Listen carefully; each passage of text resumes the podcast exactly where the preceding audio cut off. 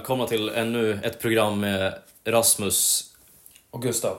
Och eh, vi är din uppslagna King James bibel i den svenska etern. Det skulle man kunna säga, eller vad tror du? Skulle man nog kunna säga. Ja. Ehm, och King James bibeln är ju den bibeln vi läser. Det kommer ni höra varje program vi talar. Det tror jag vi kommer nämna i alla fall väldigt mycket. Ehm, och om vi skulle läsa från en svensk bibel någon gång, då tror jag att det kommer vara, eller då kommer det vara Karl XIIs bibel. Den svenska bibeln av reformationen. Och om vi skulle läsa på tyska, då läser vi Lutherbibeln från 1545. Jag Så skulle det- instämma. Så det finns ju, det finns, finns ju fler biblar där ute som är av den, den rena släktlinjen, så att säga, som är obesudlad. Det finns fler biblar än King James-bibeln som är biblar av reformationen. Men King James-bibeln är ju den som är på toppen, som är den liksom renaste och bästa versionen. Eh, och det har vi två blivit överbevisade om i vuxen ålder och efter att vi var fräl blivit frälsta. Så det är ingenting som vi har blivit lärda från barnsben utan det har vi kommit fram till och det skulle vi vilja prata mer om senare. För just nu tänkte vi ta upp, ja vi tänkte börja helt enkelt med kritik mot dagens kristenhet. För vi har mycket, vi pratar ofta om olika saker, eller hur Gustav? Ja. Stämmer. Och det, det är olika ämnen som rör då Bibeln, eh, kyrkan, församlingen. Eh, och vi, vi, vi ser att det finns mycket fel eh, och oegentligheter. Eh, och vi har båda, båda vi två har ju faktiskt under vår kristna eh, karriär så att säga letat efter en församling som man vill slå rot i och verkligen känna sig hemma i. Men det, det är svårt idag. Um, vad, vad är några av de sakerna som du tänker på som liksom är fel med de flesta församlingar idag? Ja, jag skulle säga att eh, för det första, det är, det är inte bara svårt. Jag skulle nästan vara så, eh, så modig att jag säger att det är omöjligt om du håller dig till det som är alltså den kända etablera, sven, etablerade svenskspråkiga kristenheten. Då skulle jag säga att det är fullständigt omöjligt att hitta en biblisk församling. Mm. Jag vet att vi har sagt det förut till varandra att begrepp som vi har som vardagsmat, det är som att du är från en annan planet. Ja. Om du skulle gå till, ja, ta vilken pingstkyrka du vill, Mm. ta vilken frikyrka du vill. Mm. Begrepp som dispensationer, aldrig hört talas om. Okej, men om vi säger deluxe-skriften, ja, de fattar inte. Nej. King James Bibeln, eller att det finns olika översättningar och att de moderna översättningarna tar bort hela verser över huvudet på folk. En slående sak Mm. i, i den svenska kristenheten idag. Någonting som är väldigt slående när man har letat efter församlingar och jag har ju varit i eh, ett gäng frikyrkor och även så kallade bibeltroende kyrkor där man ser den här eh, väldigt feminina tonen Ja, verkligen. som styr. Kvinnor tar väldigt stor plats. Och det är till och med väldigt vanligt med kvinnliga så kallade äldste. Eh, äldstebröder hette det, har jag fått höra på min mammas tid. Äldstebröder, men idag heter det äldste eftersom det är så många kvinnor som gör det. Mm. Kvinnliga pastorer, Just det och sånt där. Och det, det, det, det råder som en generell femininitet över det hela. För även de så kallade männen som står upp och predikar är oerhört omanliga. Mm. Och där har vi kunnat diskutera mycket om liksom bara vår samtid i stort, världen i stort. Inte bara i kyrkan, utan i världen också. Hur allt har blivit, blivit så feminiserat. Vi har sojapojkar till män och eh, kvinnorna är inte kvinnliga heller, skulle jag säga. De, är snarare, de får ju bli män då istället eftersom männen har blivit kvinnor. Ja, exakt. Och jag vill få lägga in här innan vi får allt för mycket hatiska kommentarer att vi, vi eh, tycker kanske inte att det är kvinnornas fel i första hand att det har blivit så här. Det är kanske första hand kritik mot männen Mm. som eh, har ja, men gått ifrån sin roll, sin gudagivna roll eh, och, låt, och helt enkelt gjort att kvinnorna behöver ta den plats de tar idag. Om det så är inom världslig politik eller inom kyrkan. Det, vi ser det på alla eh, fronter. Eh, så med det sagt så kan vi liksom diskutera det här ämnet mer sakligt och ur biblisk synpunkt. För, för finns det, till exempel när det kommer till pastorer, finns det ens en sån sak som en kvinnlig pastor? Ja, det kan man fråga sig. Jag skulle ju påstå att nej, det finns inget som heter kvinnlig pastor. Utan det är en högst modern uppfinning. Det är någonting som man kan spåra tillbaka till 1900-talet. Möjligtvis självutnämnda profetissor på 1800-talet. Jag tänker mig Ellen G. White, sjundedagsadventisternas grundare. Just det. Det var någon typ av självutnämnd profetissa. Ja. Eh, Men det här fenomenet kvinnlig pastor eh, beskrivs inte i Bibeln. finns inte en vers, inte en enda. Så det är ju eh, någonting som är fött i, i, i människans hjärta och i den moderna människans hjärta. Den här idén att en kvinna kan vara en pastor. För, rätta mig om jag har fel, Rasmus. Mm. Visst ger Bibeln en, eh, man kan kalla det för en kvalifikationslista över vad en pastor ska vara? Ja, eh, och det mest ja, det tydligaste stället är i första Timoteus brev, eh, kapitel 3. Där har vi dels kvalifikationerna för en pastor och det står eh, då qualifications for bishops. Och bishop i King James-bibeln, det är samma sak som pastor. Eh, och i samma kapitel står det qualifications for deacons, alltså diakoner. Och det skulle man kunna säga är en pastors eh, medhjälpare, eller närmsta Ja. i rang. Ja. Och det är egentligen de enda två positionerna som nämns i den nya testamentliga församlingen som finns då. Mm. Det är biskopar och diakoner, eller om du så vill pastorer och eh, eh, den närm- närmste under pastorn. De två ämbetena. De två finns. ämbetena som finns, precis. Så om vi börjar i kapitel 3 där i andra Timo- första Timoteus, förlåt. Så står det så här. This is a true saying. If a man desire the office to be uh, the office of a bishop, he desireth a good work. Eh, Så redan där så står det då man och he. Det Mm. nämns ingenting om kvinnor. A bishop then must be blameless. Must be, står det faktiskt. Must Ja. be blameless. Och här, the husband of one wife. Okej, måste vara en hustrus man. Alltså en man som är gift. Vidare står det vigilant, sober, of good behavior, given to hospitality, apt to teach. Och så vidare. Men om vi bara stannar där så kan vi liksom redan där förstå att det handlar om en man som är gift. Det står även att han måste ha barn, för i vers 4 står det One that ruleth well his own home, Mm. own house, having his children in subjection with all gravity. For if a man know not how to rule his own house, how shall he take care of the church? Ja, precis. Så att en gift man som har barn, är det kvalif- kvalifikationer som måste finnas för att han ska kunna bli pastor. Och om vi då hoppar ner till diakoner så är det ungefär samma lista som ges, eller hur? Ja. Ja, vi hoppar ner till vers 12. Let the deacons be the husbands of one wife, ruling their children and their own house well. Så där har du samma kvalifikationskrav för ja, det ämbetet. Och redan där liksom har man ju gjort saken klar tycker jag. Ehm, Ja, det är väldigt slående det här fullständiga avsaknadet av kvinnliga pronomen. mm, Det står him, det står he, det står his, det står Mm. man. mm. Det, det är väldigt slående. Mycket spännande. Och när vi ändå är inne på det här spåret så kan vi läsa, bara gå tillbaks lite till kapitel 2. Så står det om hur kvinnor ska bete sig i församlingen. Och eh, vi kan läsa från vers 10. But which becometh women, professing godliness with good works, let the woman learn in silence with, with all subjection. But I suffer not a woman to teach, nor to usurp authority over the man, but to be in silent, silence. For Adam was first formed, then Eve.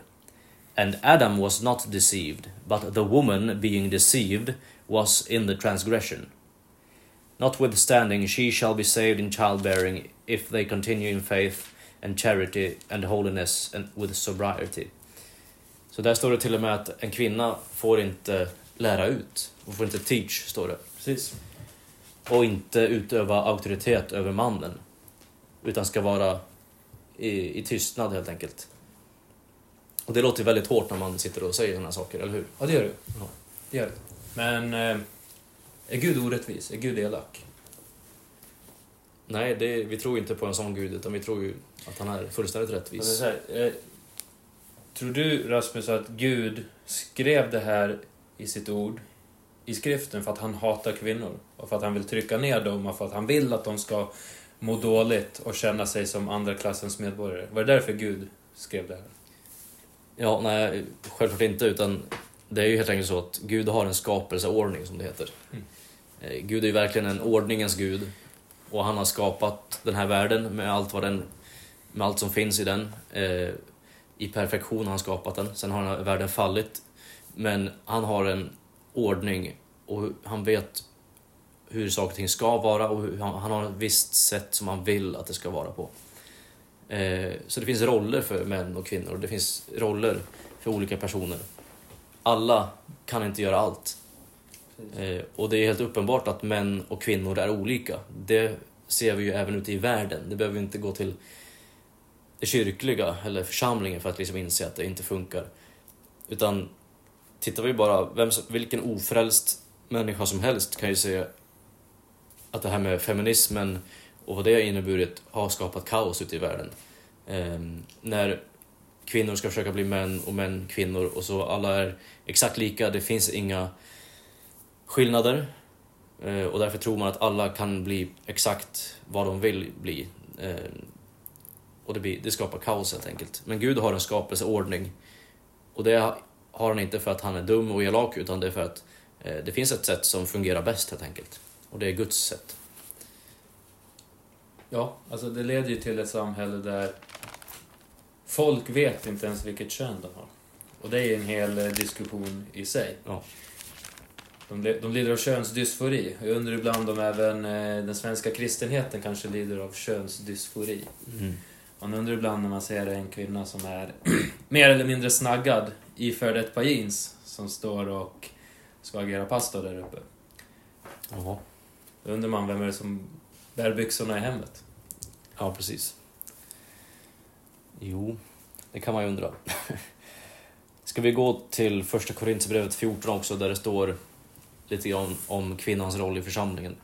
Det ska vi göra. Eh, Det är ett längre kapitel som talar först och främst om tungotalet och lite andra saker som de i Korint hade lite problem med. Paulus var tvungen att skriva till korintierna för att rätta dem på olika saker. Och nu handlar inte det här avsnittet om tungotalet, men vi har ju en stark uppfattning där också om att det, det är ju ingenting som finns idag för till att börja med.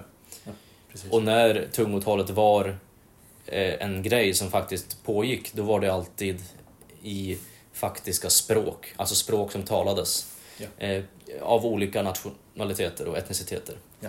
Eh, och eh, det var gudomliga mirakel som skedde då, att folk plötsligt kunde börja tala eh, andra språk som de inte hade lärt sig för att kunna sprida eh, evangeliet snabbt här i början, i församlingens början. Eh, när de inte hade biblar, för bibeln skri- hade inte skrivits än. Utan det var först och främst genom att ordet predikades som tron spreds vidare här i det första århundradet. Eh, och då använde sig Gud av tungotal bland annat för att folk av andra, som hade andra språk skulle kunna förstå helt enkelt. Men Paulus skriver att tungotalet skulle försvinna. Så idag har vi inget sånt. Eh, och sen dessutom, det tungotal som folk talar idag, det är ett, bara ett babbel. Eller hur? Ja, det är ett, eh, ett fullständigt babbel. Ett fullständigt humbug Mm. är vad det är. Det finns inget skriftligt stöd för det överhuvudtaget. Precis. Eh, det är ingenting heller, det är ingenting jag säger för att trampa på tår eller göra folk upprörda. Eh, Men det är sanningen. Det Mm. finns inget skriftligt stöd. Och man kan ju undra sig, kan du tänka dig vår Herre Jesus ligga på golvet och sprattla Mm. och tala tungor med ögonen rullade upp i huvudet Mm. och tuggande, tuggandes fradga.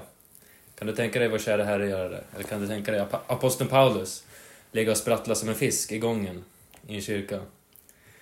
Kan du tänka dig det? Nej, verkligen inte. Det, Tyvärr är det väl de mer extrema karismatiska, karismatiska kyrkorna så är det ju sånt som försiggår. Eh, Men även liksom i mer vä- välstädade frikyrkor idag så är det ju ett visst tungotalande. Och det, det är bara ett uttryck av köttet skulle jag säga. De flesta som talar tungor är bara, gör det i köttet. Och det har inget andligt alls, det, i alla fall inte en andlighet från Gud. I värsta fall är det ju en annan ande, inte den heliga ande som de gärna, så gärna talar om. Det talas väldigt mycket om den heliga ande nämligen. Men tyvärr så tror jag inte att det är den heliga ande, för det finns ju fler andar än den heliga ande. Oh ja, det finns många, många andra. Det är väl ett helt program i sig kanske. Mm, ja, Diskuterar de olika andarna. precis. Falska andar. Falsk på nyttfödelse. Ja. Och en av de falska andarna som vi har idag är ju en feminin ande. Vi kanske går in på det lite grann nu efter, eh, i det här avsnittet faktiskt. Men vi skulle läsa första Korinthierbrevet 14 i alla fall, där Paulus har Ja. talat om tungotalet och eh, om kvinnans roll då i församlingen. Och då står det i vers 34. Let your women keep silence in the churches, for it is not permitted unto them to speak, but they are command, commanded to be under obedience, as also saith the law. And if they will learn anything, let them ask their husbands at home, for it is a shame for a woman, for women to speak in the church. Så att där är det verkligen ord och inga visor. Kan man säga. I den svenska gamla översättningen då så står det kvinnan tige i församlingen. Och det hade man väl fått en smäll på käften om, om man hade sagt det till någon idag. I en, Ja, det hade man nog. Ja, Det man. men det, det är ju liksom inte, som sagt, det här blir lite raljerande nu. Men det här säger vi ju inte för att vi eh, trackar ner på kvinnor. Och vi skulle ju inte säga det nedlåtande mot en kvinna heller, utan det här är liksom vad Guds ord säger. Vi läser från Bibeln här. Det här är Guds ord svart på vitt, hur han vill ha en församling, en fungerande församling. Och då, då finns det riktlinjer helt enkelt. Ja. Och eh, precis lika lite som jag som man ska vara i en kvinnas position och göra de saker som eh, hör henne till. Eh, så för att allt ska fungera väl eh, vill jag heller inte att en kvinna ska behöva ta på sig den roll som en man egentligen behöver ha. Mm. Och det är för allas bästa, både för kvinnornas bästa, männens bästa och barnens bästa Oh, ja. och församlingens som helhets bästa. Så, Oh ja. så att det, det ha- handlar absolut inte om att eh, eh, vissa är mindre värda eller något sånt. Det, det här samhället idag är väldigt insnöat på att ja men alla människors lika värde och det har blivit en slags dis- diskussion som man inte riktigt vet vad den betyder. Eh, det som, man använder så här tomma begrepp lite grann Mm. för att eh, skuldbelägga och, och så. Men vi, vi, jag tror varken du och jag är intresserade av att liksom hålla på med de här eh, klyschorna, politiskt korrekta klyschorna. Vi, är ganska, vi, vi hoppas i alla fall att vi är ganska rakt på sak och säger vad vi tycker och tänker. Ja. Men också att det inte är våra egna ord utan att det är faktiskt vad, att vi återger Bibelns ord. Eh, Jesus skrädde inte orden. Nej. Inte heller Paulus. Eller de andra apostlarna. De pekade med hela handen och sa som det var. Så varför skulle inte vi göra detsamma? Och en tanke slog mig. En tanke slog mig. 1950 då var det helt otänkbart att en kvinna skulle kunna vara pastor i Sverige. Helt otänkbart. Kanske inte präst heller i Svenska kyrkan. Nej, eh, det vart tillåtet 1958. Eh, Men i de svenska frikyrkorna, det var ett av argumenten varför man blev frikyrklig på 60-70-talet. De såg det liberala avfallet i Svenska kyrkan. Mm. Min mamma är född 1967. Hon är inte lastgammal. Jag pratar om 80-talet nu. Det var otänkbart att en kvinna skulle kunna vara pastor. Även då fanns det problem. Kvinnor kunde ställa sig upp och profetera, inom citationstecken, tala i tungor och liknande. Men att ha en kvinnlig församlingsledare, det fanns inte. Kära lyssnare, och jag kan ställa frågan till dig också Rasmus. Är Sverige mer eller mindre andligt idag kontra 1950? Jag vågar inte svara på andligheten, men det är ju fel slags andlighet i så fall vi har idag. Eh, det var ju mer kristet förr, Sverige. Är Sverige mer kristet idag? Är Nej, Sverige mer bibliskt? Sverige är oerhört avkristligt, avkristnat. Ha, har, för, har förfallet, eller avfallet, gått längre sen den här tiden, 1950? Är vi längre i avfallet idag, Ja, själv- 2023? självklart. självklart. Kan det vara en slump? Kan det vara en slump? Eller ser vi frukten av kvinnor som Tänkte du på, vi läste usurp authority. För det är en direkt revolt emot Guds system och emot den gamla hierarkin som Gud satte upp med Adam och Eva. Det är en re direkt revolt. Och förresten, det är en hierarki som vi ser i äktenskapet, eller äktenskapet ska avspegla hierarkin mellan Adam och Eva. Där Adam är den som bestämmer. Vi, ser, vi, ser, vi såg hur det gick när han lyssnade på sin fru, eller hur? Mm. Det är en direkt revolt för en kvinna att ställa sig upp i en kyrka och kalla sig för pastor. Det är en Mm. direkt revolt emot Guds system. Mm. Och vi ser frukten av det idag, det totala avfallet. För det är inte kvinnans plats att ställa sig upp och lära doktrin. Och det, att vara pastor är så mycket mer än att lära doktrin. För jag, jag, jag vet att det finns kvinnor där ute som är lika bibelklok som du och jag är. Mm. Och eh, man vill kanske inte erkänna det. Det finns säkert någon kvinna som är mer bibelklok än vad vi är. Kan hända. Min kära fästmö är väldigt biblisk. Eh, hon, hon älskar Bibeln. Hon har varit frälst mycket längre än jag. Hon är uppvuxen i en kristen församling. Men det, det är en fullständig revolt mot Guds system. Och det, att vara pastor, det var det jag tänkte säga, att vara pastor det är mer än att bara lära doktrin. Det, man måste kunna hantera svåra konflikter. Ska vi vara ärliga? Hur hanterar kvinnor konflikter? Är kvinnor bra på direkt konfrontation? Är det deras starka sida? Nej, alltså kvinnor skulle jag säga är bättre på att försöka hålla ihop gruppen, eh, hålla Mm. ihop en familj och därför blir det mer att man försöker vara den medlaren kanske. Okej. Ska vi medla med alla? Eller finns det några människor som kanske inte bör vara i en kristen församling? Mm. Ja, men det finns ju en hel del eh, riktlinjer där som Paulus ger oss att det var väldigt, han upprepar det här flera gånger, att vi ska vara försiktiga mot falska lärare och Mm. falsk, lä, falska läror. Eh, och det var ju liksom hans huvudmission nästan efter det att han hade startat kyrkor och liksom eh, evangeliserat var att akta er nu för falska lärare, falska profeter och all, all, alla falska andar och falska Jesusar som finns där ute. Kvinnor generellt sett är fullständigt oförmögna att titta en annan människa i ögat, peka med handen och säga du är en falsk lärare. Du ska inte förgifta min församling. Det, det krävs en man, det krävs en manlig man, det krävs en karakar som är fylld av anden för att våga göra en sån sak. Det där menar att pastorskapet det är mer än att bara stå och lära ut fakta om Bibeln. Utan det är väl sådana saker, beskydda församlingen från falska lärare. Till exempel. Och av personlig erfarenhet så kan jag säga att kvinnor, de säger en sak till dig. Sen så visar det senare att de- de menade någonting helt annat. De kan säga ja, jag håller med dig och titta i ögat. Sen får man höra något år senare att nej, det var en lögn. Jag höll aldrig med dig. Precis. Och jag tycker du nämnde också det ordet väldigt eh, många gånger där tidigare, eh, revolt. Och det är liksom grundproblematiken. Där har vi en grundsten tror jag i var det börjar i allting. Eh, det är ofta bra att gå till, till roten av problemen, men att det finns en revolt mot Gud, det är ju det som grundproblemet i första Mosebok redan då, med Mm. syndafallet. Att det, vi går emot Guds ord helt enkelt. Eh, och det är det som återupprepar sig i olika, på olika sätt eh, nu senare också. Så i grunden är det då att vi, en revolt mot att, nej men vi... Eh, Yea hath God said var Satans första lögn. Är det Mm. verkligen så att Gud har sagt det här? Vi kanske kan göra på det här sättet istället. Att, kanske det gäller inte det här bibelordet idag. Vi kan väl göra lite grann som vi vill. Så, så det börjar alltid med att man ifrågasätter Guds ord och gör en revolt mot det. Ehm, och sen följer bara problemen som ett, som ett pärlband efter varandra. Ja.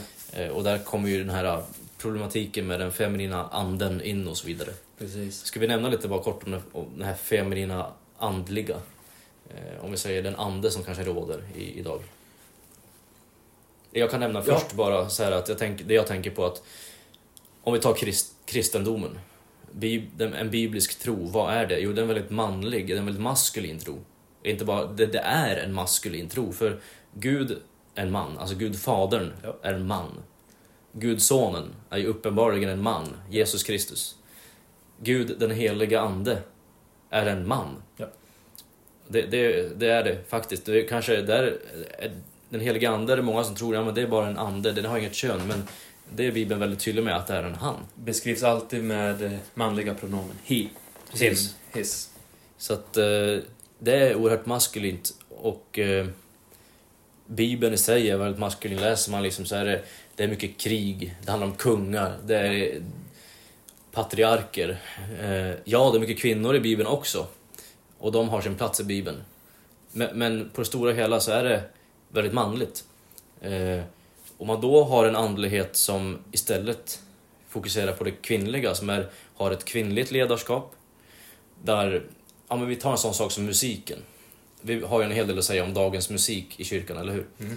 Mycket av den moderna kristna musiken är väldigt feminin. Håller du med om det? Oerhört feminin. Eh, oerhört mjäkig. Mm. Fruktansvärt mesig. Ja. Fruktansvärt mesig. Så att eh, det, man, man känner igen den här eh, feminina, eller eh, Isabels ande brukar man tala om. Mm. Eh, och det ligger någonting i det. Eh, det känns igen på flera olika plan i dagens kristenhet. En annan grej som kännetecknar den här den feminina anden. Det som du nämnde tidigare om... Vad var, vad var det ordet du använde? Att man vill förena. Att man vill förena. Du tänker på ekumenik? E- exakt. Exakt. Eh, agreeableness. Precis. Man vill vara den här me- medlaren, att få ihop folk. Precis. Kvinnor, precis. Kvinnor vill hemskt gärna medla och få alla att bara, kan vi inte bara hålla hand och vara sams? Det är enklare för en man, för vi män är mer vana med att vi står själva i alla fall. Att stå själv och stå upp emot det som är falskt, hur opopulär du än blir. Jag menar, vad är det vi gör Rasmus? Vi blir fruktansvärt opopulära. Jag tror vi skaffar oss många ovänner faktiskt. Ja. De men- få vänner vi har kvar, så de kanske inte är kvar längre. Men vi är i gott sällskap, för Jesus hade väldigt många ovänner. De hatar faktiskt Jesus så mycket så att de spikade upp honom på ett kors. Och eh, inte Bibeln, de är sekulär historia där ute, att alla lärjungarna blev avrättade för att de med djärvhet talade sanningens ord. Ja, Johannes blev kanske inte avrättad. Nej, han blev förvi- förvisad till ön Patmos. Dog av ålder, men alla andra, så vitt vi vet, blev avrättade. Precis, men han fick ändå ett straff i och med att han, blev, Mm. han fick den här landsförvisningen. Han, han hamnade i exil. Men, men, men kvinnor har inte det där. Kvinnor har inte den här förmågan att stä, ställa, eh, sätta ner foten och sätta upp en hand och säga nej, stopp, inte en millimeter till och ta kampen, direkt konflikt. Det, det, det finns inte. Mm. Eh, Det finns inte. Varför tisslar de och tasslar så mycket? Varför är det så mycket, vad heter det, gossip? Skvaller. Skvaller. Det är en oerhört feminin gre- grej att sitta och skvallra. Om en kar har ett problem med en annan kar, då går han fram till honom och säger Hör du, jag har problem med det här och det här, skulle vi kunna diskutera det? Mm. Varför gör inte kvinnor det? För att det är, det är ganska läskigt. Det krävs mod. Det finns en viss risk, kanske en inbillad risk, men att man åker på en smäll. Mm. Om man tar kampen. Ja. Och det leder till att idag så har vi bibel, bibeltroende kristna, så kallade. Och de står hand i hand med katoliker, muslimer eh, och alla de här fruktansvärt ogudaktiga organisationerna, RFSL och andra HBTQ-certifierade organisationer står Mm. så kallade kristna och håller hand i hand med. Ja. För att de är konflikträdda. De är konflikträdda. De är för feg. För att våga stå för någonting, för att våga stå för Bibeln. Och det är inte en manlig dygd. Det, det är inte maskulint. Mm. Feghet. Precis, och allt för många män är väl i den sitsen idag att de är, inte har någon ryggrad. De är rädda för sin fru. Så att, eh, precis, så det är återigen inte kvinnornas problem i första hand utan ett stor, stort ris till alla eh, män där ute som inte är män. Och sen i andra hand kvinnor som inte heller vet om sin roll. Eh, men om vi ska gå in på det, vi kom in nämligen på det här med ekumenik lite grann, eller hur? Ja. Vi kan ju ta det nu ändå när vi har eldat upp oss lite. Ja. Så, vad, för det är något som kännetecknar dagens kristenhet väldigt mycket. Det här ekumeniska. Man Mm. vill få ihop till en enhet, en samlad kyrka från olika eh, samfund och olika religioner till och med. Precis. Eh, Vad, vad, vad ska man börja där? Hur ska man börja nysta i det, den frågan? Oj, oj, oj. Vilken ände ska man börja nysta i? Bibeln talar ju om att man ska vara enig. Och, och nu har jag inte versen direkt framför mig. Så det är, ris till mig också. Vi kanske kan leta upp den versen. Mm. Eller någon vers som talar om just det här med enighet. Den enigheten är... Det handlar om en doktrinell enhet. Samt en personlig enhet, man ska inte vara osams med varandra. Inom den lokala församlingen. Och Bibeln lär ut någonting som är... Vi kallar det för den lokala församlingen. En församling är inte del av ett större samfund. Och även det är säkert ett ämne för, för framtiden. Mm. Eh, vi tror inte på det här med organisationer, paraplyorganisationer, och samfund och federationer. Allt vad det heter. Vi tror inte på det, utan Bibeln lär ut att varje församling står enskild under Gud. Och inom församlingen måste det finnas en enhet. Men enheten, det handlar inte om att vi ska inte prata om varandras olikheter. Istället, håll bara tyst och var snäll. Mm. Det är den moderna eh, enheten som så kallat kristna strävar efter, den här ekumeniken. Att jag är bibeltroende kristen. Jag tror att frälsning, det är Jesu Kristi ställföreträdande verk på korset. Det tror inte påven. Det tror inte katolska kyrkan. Katolikerna lär ut att om du äter ett kex och dricker ett glas med saft, det är så du får evigt liv. Katolikerna lär, ut att du ska sitta i ett bås och bekänna dina synder för en man. Och så viftar han, viftar han i luften och ger dig absolution. Det är vad katolicismen lär ut. Hur kan du som bibeltroende kristen försöka leta någon typ av enhet med en heretiker? Enhet med en kättare. En människa som inte är född på nytt, som inte tror på Bibeln. Det är inte den enhet som Bibeln talar om. Sen är ekumeniken, det leder till att människor som inte ens är frälsta ses som bröder. Ja. Man enas med de få likheter man har och sen ser man inte att det faktiskt inte går att förena sanning med lögn helt enkelt. För om vi säger så här, om alla i en perfekt värld alla var bibeltroende kristna och eh, var frälsta, då blir det ju en enhet automatiskt, eller hur? Men nu när det finns så många olika falska religioner och allt som inte är bibeltroende kristendom är en falsk religion. För det är, Ja. går man emot Guds ord, då, då har man ju inte rätt helt enkelt. Om, man, om nu det är så att Bibeln är sann, och vi tror ju att Bibeln är sann, eller hur? Såklart. Om man inte tror att Bibeln är sann, då, då, är det, ju- då kan man göra vad man vill. Eh, men, eh, det hela går ju helt enkelt ut på att antingen så följer man Guds ord eh, och har rätt, eller så gör man det inte och har fel. Jag menar, om påven säger en sak och Bibeln säger en annan, ja då har påven fel. Om en viss organisation eller kyrka säger en viss sak och Bibeln säger en annan, ja då har den kyrkan eller organisationen fel. Det är liksom inte svårare än så. Så ekumeniken har ju, syftar ju bara till eh, att ja, det är ju det här liksom One World Religion och den här Mm. agendan som finns i världen nu att få ihop Precis. till ett styre som sen kommer eh, tas över av Antikrist helt enkelt. Precis. Och det, det här, de här sakerna vi ser måste ju ske. Det är inte så att vi egentligen tror att vi kan förändra på det här. Det här vi ser är ju en rörelse som... Det här kommer att ske och det kommer bli mer och mer eh, tills den dag vi, blir hämtade hem. Det, det är ett förfall vi ser och ett av, avfall och ett förfall. Ja. Eh, men vi vill gärna peka på det för att varna folk för det. Ja. Eh, vi kan inte förändra det till st- så stor del i alla fall, men vi kan förändra enskilda människors liv genom att rädda dem och dra dem ur elden så att säga. Det är bra talat. Och just den här feminina anden, den är instrumental i den här sista tiden. Den här förenande anden som du sa, One World Religion, Mm. som kommer att komma. Precis, One World Government som vi ser mer och mer.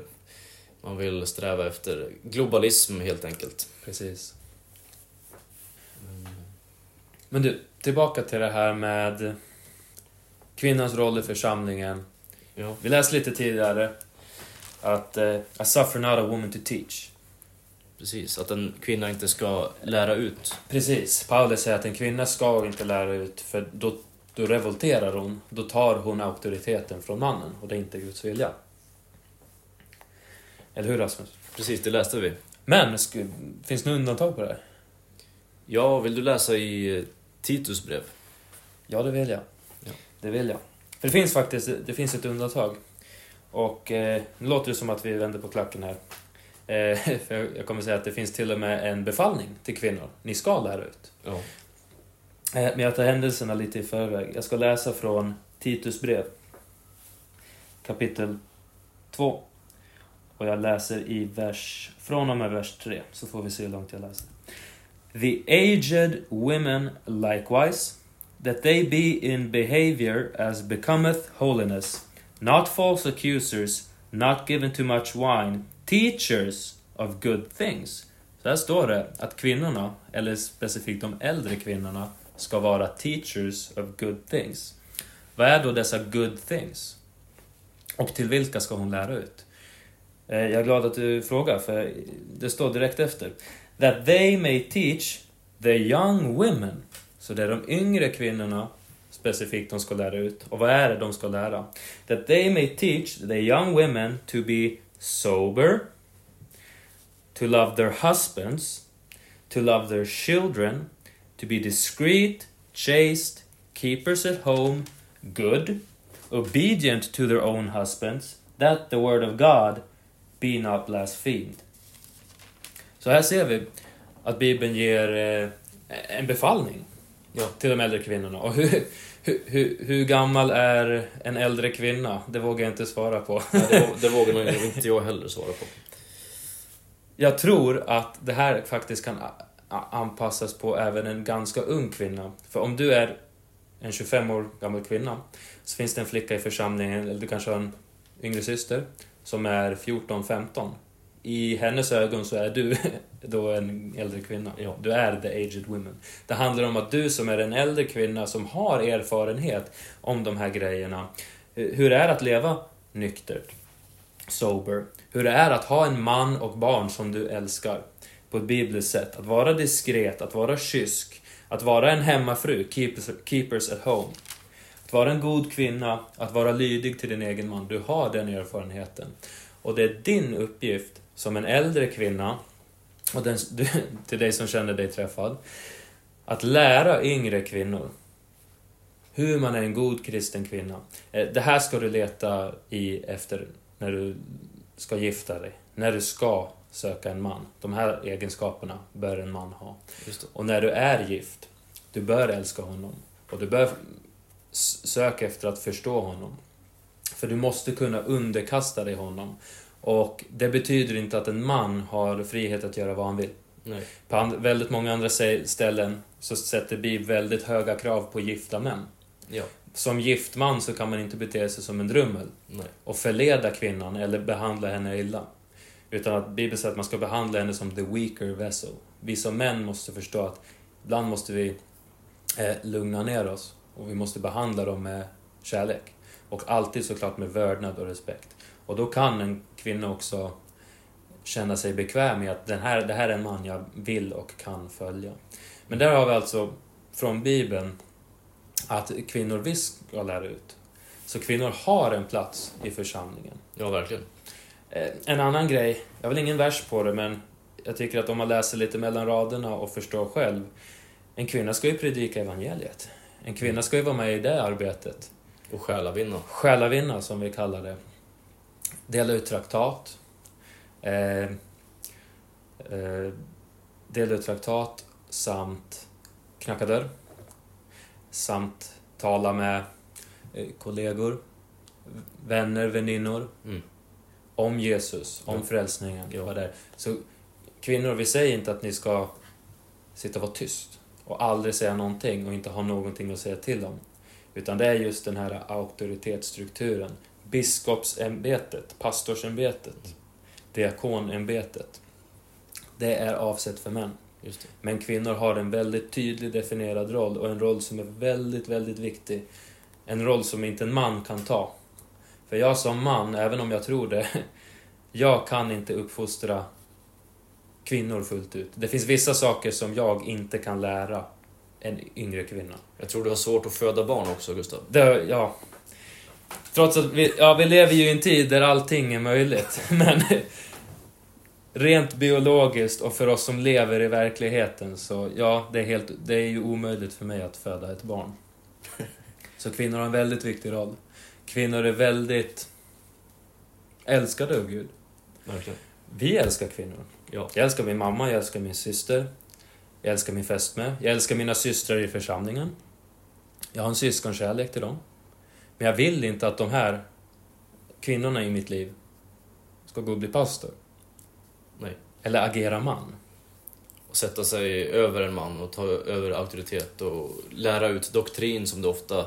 Eller så, det är en punkt va, när det kommer att lära ut. En kvinna inte bör lära ut biblisk doktrin, för det är, det är ju egentligen en pastors roll i en församling. Precis. Men också andra män då.